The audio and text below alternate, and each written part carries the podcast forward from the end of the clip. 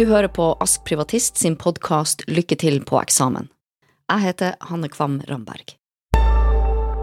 Vestlige land har innført harde sanksjoner mot Russland etter invasjonen av Ukraina, med hensikt å svekke den russiske økonomien. Hva betyr Vestens økonomiske sanksjoner for den gjennomsnittlige russiske innbygger? Vår gjest i dag er Olga Vorontsjikina. Olga er fagutvikler i russisk og spansk her på Ask, tar eh, privat pilotutdanning og brenner for kommunikasjon og forståelse mellom mennesker. Velkommen hit, Olga. Takk. Veldig hyggelig å være her. Du er født og oppvokst i Russland, og har bodd i Norge i åtte år. Eh, Du har nær familie og gode venner i Russland, og opplever derfor eh, krigen tett på kroppen. Og du er jo da både russisk og norsk. Hvordan opplever du situasjonen eh, nå? Tungt. Det er rett og slett det ordet. Det, det er tungt. Det er smertefullt å se det som skjer i Ukraina. Uh, det er uforståelig og veldig skuffende for meg å se at mennesker kan bruke vold mot andre mennesker. Og så ja, så er det vanskelig, vanskelig med kommunikasjon med uh, venner og familie. Og det er tungt å tenke på det som skjer nå i Russland, og de konsekvensene dette fører til. Og da tenker jeg både vestlige sanksjoner og den kampen som nå foregår mellom de russere som ikke støtter uh, politikken, og de russere som støtter Putins regjering. Ja. Og eh, hva er ditt forhold til Ukraina? Uh, mitt forhold til Ukraina uh, Når jeg tenker Ukraina, så har jeg veldig varme følelser. Uh, det er broderfolk for meg og for mine. jeg har vært i Ukraina flere ganger, og da tenker jeg gjestfrihet og god mat. Bare de gode, varme minner. Og så er det ikke minst det mine venner og familier til mine venner. Det er det som er Ukraina for meg. Mm. Før vi snakker mer om de, de, konsekvensene av de økonomiske sanksjonene, eh, kan du si litt om din bakgrunn? Ja, jeg er født i en liten by, eh, en liten militær eh, by. Pappa var pilot, mamma var farmasøyt. Og så ja, jeg er født i 1987, så det første jeg stort sett husker, det er jo 90-tallet i Russland. Og da var det mye kaos og usikkerhet og ja, mm, hva skal, hva skal jeg si uh, det, Ja, det var en vanskelig tid for mange, men jeg gikk gjennom den ganske greit, fordi at jeg var jo ung, og så hadde jeg skole og musikkskole, og jeg var veldig opptatt med, uh, med å studere. Da så ja, uh, da jeg var 13 år gammel, så ble Putin president. Og den første perioden, når jeg tenker på hans første fire år, så ikke, uh, kanskje ikke hele perioden, men hans første fire år, så husker jeg det som en ganske lys periode. Da var det plutselig håp i lufta. Da begynte ting på en måte å stabilisere seg. Russland åpnet mer opp mot Vesten og Europa og hele verden generelt. Og da var det lettere å tenke stort og drømme og sette seg større, større mål. Så i 2004 flyttet jeg til uh, Volgograd for å studere uh, informasjonsteknologi, og så flyttet jeg til Moskva i 2007 for å fortsette studiene. Og da, da, da opplever jo du vel òg en endring eh, i samfunnet. Eh, ja. Putin går vel inn i sin andre periode i, i da, gjør han ikke det? Uh, det var, hvis jeg igjen husker historien riktig, så var det hans første to perioder på fire år. og Det er det fra 2000 til 2004, også til 2008. Men så hvis jeg uh, tenker nå på 2007, da jeg flyttet til uh, Moskva, det var jo ikke lenge før den økonomiske krisen som skjedde. Så det var også noe som påvirket, påvirket stemningen i lufta. Um, Mm. Og igjen da, du, du er jo da i Moskva. Du er student. Eh, ung kvinne med ambisjoner. Eh, du var ikke så interessert i politikk da? Nei, absolutt ikke. Nei. absolutt ikke. Jeg var opptatt av mine studier, og så begynte jeg å jobbe da som uh, tolk, oversetter, russisklærer for uh, flere utlendinger som bodde i Moskva, og da var det blant annet nordmenn som jeg jobbet med. Og det er de som påvirket meg veldig, uh, inspirerte meg og ja, motiverte til å studere flere språk, til å reise, til å se ting fra flere perspektiver kanskje det. Og da ble du vel også mer bevisst uh, det som skjedde, skjer rundt deg, og rett og slett mer interessert i politikk. Uh, du sier du ble inspirert, men også altså inspirert til å dra ut, men også det å se mer uh, det som eh, vi har snakka om, jeg og du, før, om at mm. ting endra seg litt på hva du så i bybildet. Eh, budskap rundt deg, både gjennom TV og aviser. Og, hva, kan du si litt om det? Ja, klart. Eh, ja, klart. Da, uh, da ble det sånn at man begynte plutselig å høre det fra TV og ja, fra folk som snakket uh, rundt deg, at, uh, ja, om de gale vestlige verdier Uh, det, og så kom det sånn nasjonalromantikk med, med Sovjetunionen, uh, og det kom flere sånne brusautomater i byen uh, som så veldig sovjetiske ut. Så, så, man begynte å kjenne at det, det, begynte å vende seg litt tilbake. Og så kunne man lese både i metro og rundt omkring i byen flere sitater fra russiske klassikere som refererte til ja, tradisjonelle russiske verdier, og gjerne, gjerne til kristne, ortodokse verdier. Ja. Som var da litt rart å se.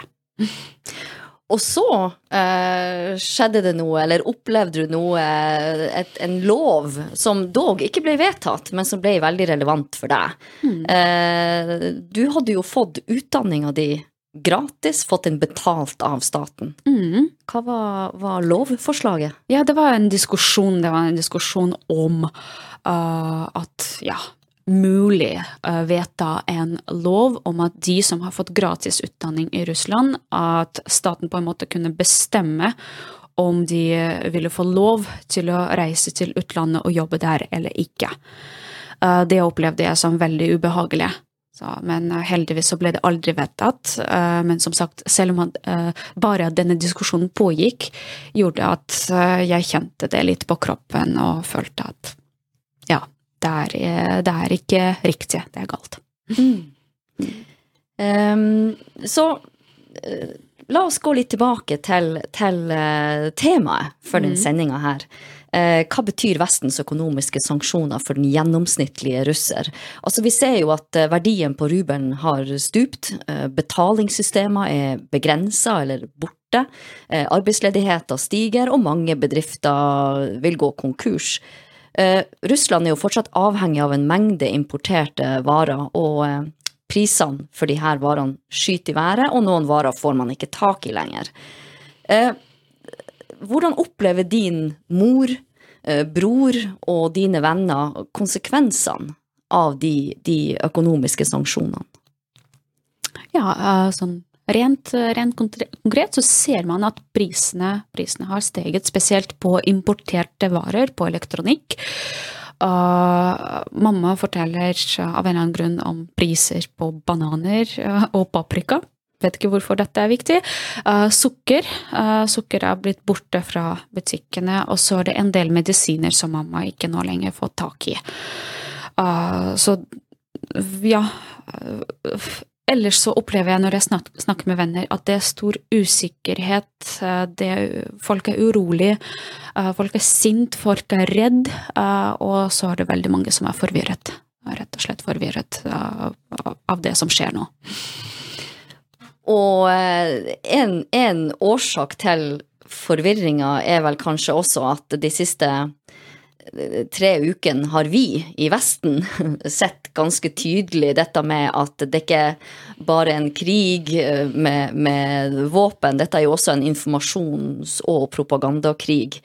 Og det blir jo stadig vanskeligere for russere å få troverdig informasjon om hva som skjer både i Ukraina, men også i Russland, hvorfor ting er som de Mm. er. Eh, hvordan opplever din familie og dine venner dette? Ja, det, det som bekymrer meg veldig, det er akkurat den store polariseringen uh, blant, uh, blant russiske folk. eh, og det ja, jeg ser at de som får informasjon fra den statlige TV-en, og det, de som bruker det som hovedkilde, det er veldig ofte de som kan støtte eh, Russland og støtte, støtte Russland sine aksjoner, støtte Putin, eh, Putin sine aksjoner. Og så ser eh, ser jeg at de som er ja, litt yngre, litt mer vant til informasjonsteknologi og leter etter informasjon aktivt, så ser jeg at øh, de mener ofte annerledes. Ja, men igjen, det er veldig vanskelig. Informasjonskanalene blir stengt. Ja, Instagram er nå blitt uh, forbudt. Folk kan bare bruke Instagram hvis man har VPN. Uh, flere, flere nyhetskanaler blir lagt ned. Uh, det er sensurering, selvfølgelig. Man kan ikke bruke ordet krig. Man kan ikke skrive om dette. Dette fører til konsekvenser. Og når man får så forskjellig informasjon fra forskjellige kilder, så kan jeg forestille meg at det er lett å være forvirret. Det er lett å være usikker. Ja. Ja, og, og eh, dine, dine venner som, mm. som eh, opplever eh, de økonomiske sanksjonene med det vi snakka om, dette med både vareutvalg og, og uh, har, Snakker du med dem hva de tenker nå? Hva, hva gjør de nå?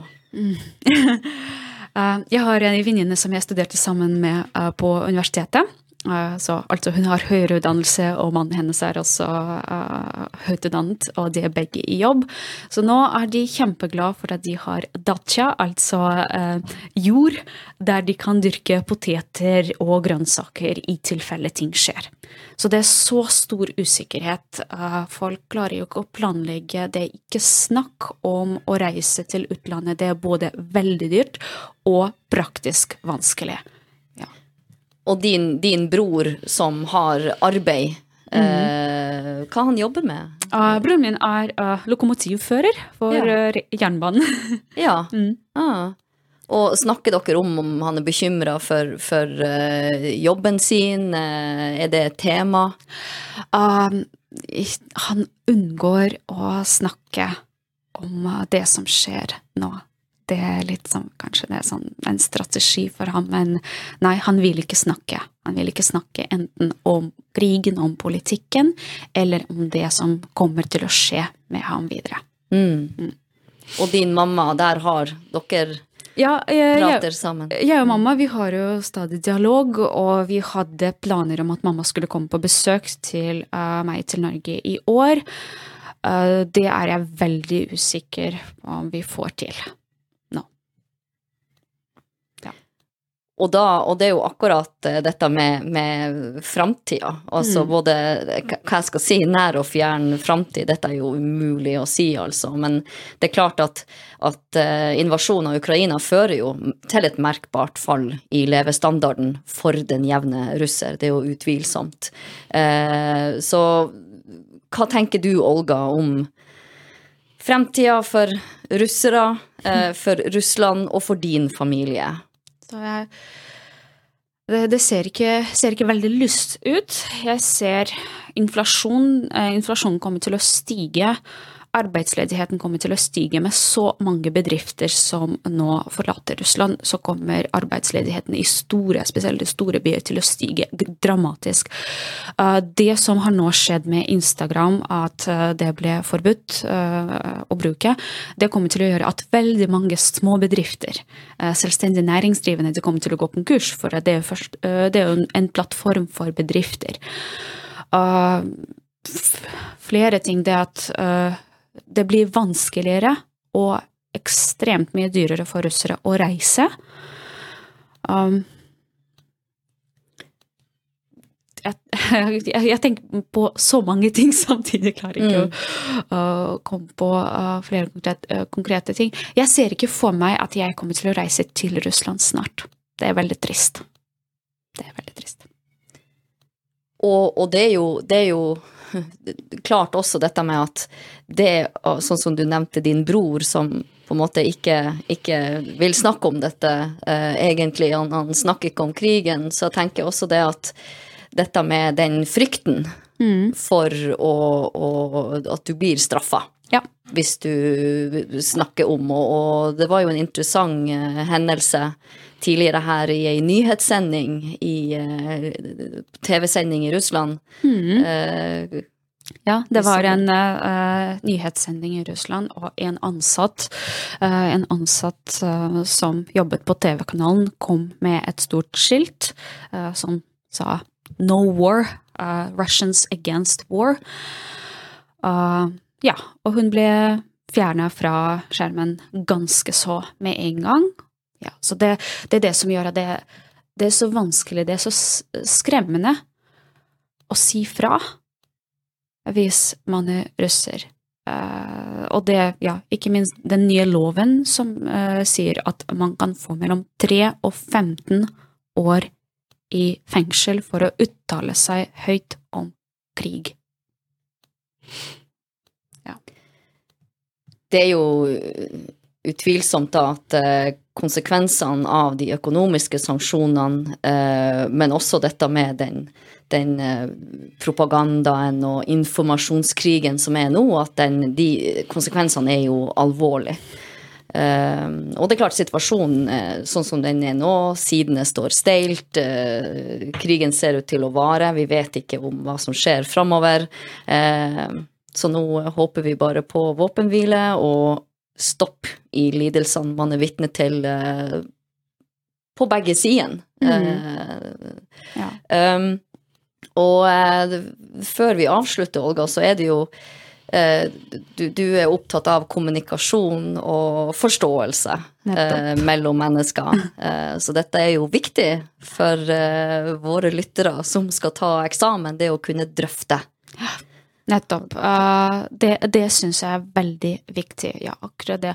Å kunne drøfte og kunne se flere perspektiver. Uh, jeg snakker med folk som jeg er uenig med, som har forskjellige meninger enn meg, men jeg hører på dem, og jeg prøver å forstå hvorfor folk tenker slik, uh, slik de gjør. Så det, har, ja, det er veldig viktig nå å bare møtes og snakke og vise tålmodighet og vise toleranse. Og det er også veldig viktig å lese nyheter fra flere kanaler. Ja, lese dem på flere språk og snakke med forskjellige mennesker. Sett på translate for ja. å forstå hvis det er et språk du ikke snakker sjøl. Mm. Mm. Mm. Ja, så da ser man flere perspektiver. Da, da ser man flere sider ved saken. Ja. Tusen takk, Olga, for at du deler, og eh, tusen takk for praten. Tusen takk for det. I denne episoden hørte du Hanne Kvam Ramberg og Olga Vorontsjikina snakke om hvordan den jevne russer opplever Vestens økonomiske sanksjoner. Lykke til på eksamen er laga av Ask Privatist.